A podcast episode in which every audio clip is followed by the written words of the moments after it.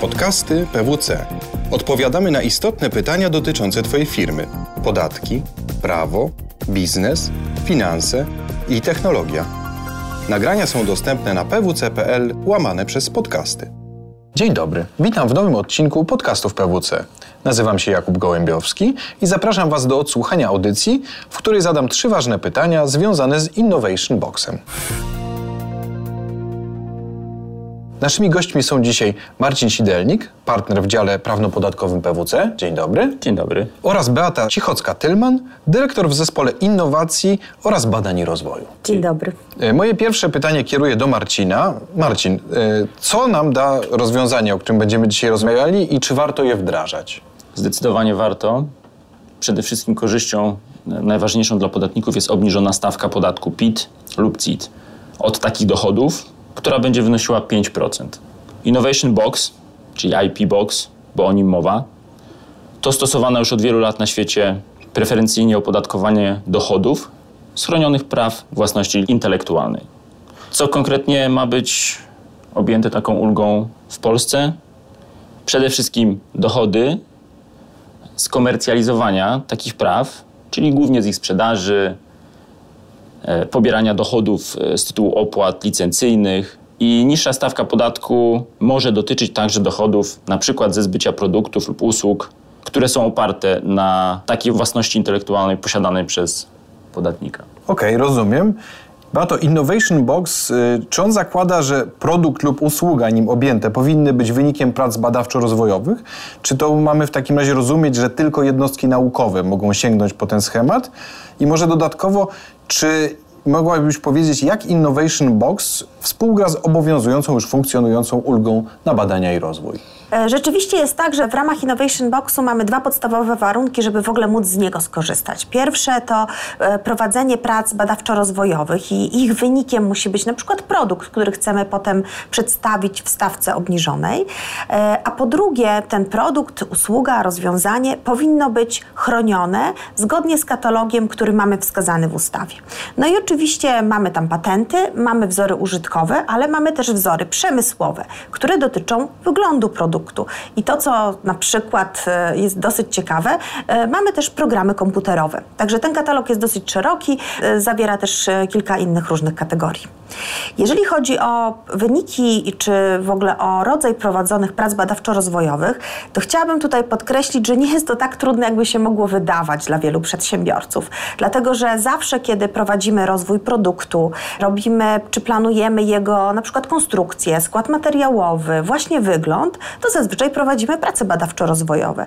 Uprzywilejowany jest tutaj obszar informatyczny, dlatego że tworzenie nowego oprogramowania zawsze czy w większości będzie uznane właśnie za prace badawczo-rozwojowe. Jak więc widzicie, w, tak naprawdę obecnie istniejąca ulga badawczo-rozwojowa e, bardzo ładnie nam współgra z planowanym Innovation Boxem. Jest właściwie jego początkiem, bo jeżeli wykażemy w tej chwili ulgę badawczo-rozwojową na jakiś produkt, będzie nam łatwiej, czy wręcz automatycznie wykazać potem w Innovation Boxie, że rzeczywiście prowadziliśmy prace badawczo-rozwojowe.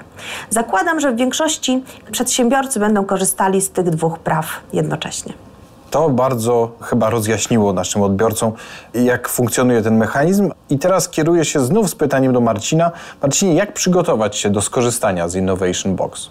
Przede wszystkim musimy się skoncentrować na zidentyfikowaniu działalności badawczo-rozwojowej, zarówno tej prowadzonej w przeszłości, jak i tej dotyczącej nowych projektów.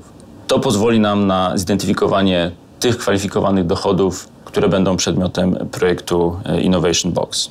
Kluczowe będzie określenie wysokości takiego kwalifikowanego dochodu, z praw własności intelektualnej, które zidentyfikujemy. E, Dla niektórych branż to może być prostsze, bo to mogą być dochody z licencji, natomiast e, precyzyjne określenie wysokości dochodów z IP w cenie niektórych produktów czy usług może być dużo bardziej skomplikowane. I tak, zaczynając po kolei, na czym powinien się każdy podatnik skupić, po zidentyfikowaniu właśnie obszaru e, prowadzonej działalności badawczo-rozwojowej. Dalej, wyodrębnienie każdego kwalifikowanego prawa własności intelektualnej, prowadzenie ksiąg rachunkowych w taki sposób, który będzie pozwalał na ustalenie i przychodów, i kosztów. Uzyskania przychodów przypadającej na każde e, kwalifikowane prawo własności intelektualnej, e, jak również dokonywanie zapisów w księgach rachunkowych w taki sposób, który zapewni ustalenie e, dochodu z kwalifikowanych praw i będzie podstawową ewidencją na potrzeby kalkulacji potem już ulgi i podatku będącego korzyścią z wykorzystania takiej ulgi. Ja myślę, że warto dopowiedzieć, że przepisy wchodzą od stycznia, ale tak naprawdę przygotowywać się e, możemy, czy właściwie nawet powinniśmy już, żeby od stycznia można było z tego skorzystać.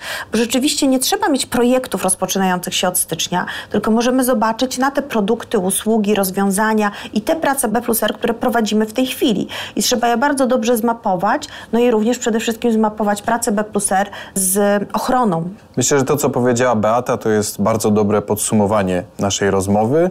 Warto więc już zacząć przygotowywać się do skorzystania z tych rozwiązań. Bardzo dziękuję za wysłuchanie tego odcinka, a Marcinowi i Beacie za ciekawą rozmowę. Bardzo dziękujemy. Dziękuję bardzo. Podobał Ci się odcinek? Podziel się z innymi oraz śledź nasze kanały. Więcej podcastów PWC znajdziesz na stronie pwc.pl ukośnik podcasty oraz w aplikacjach iTunes i Google Music. Do usłyszenia w kolejnym odcinku.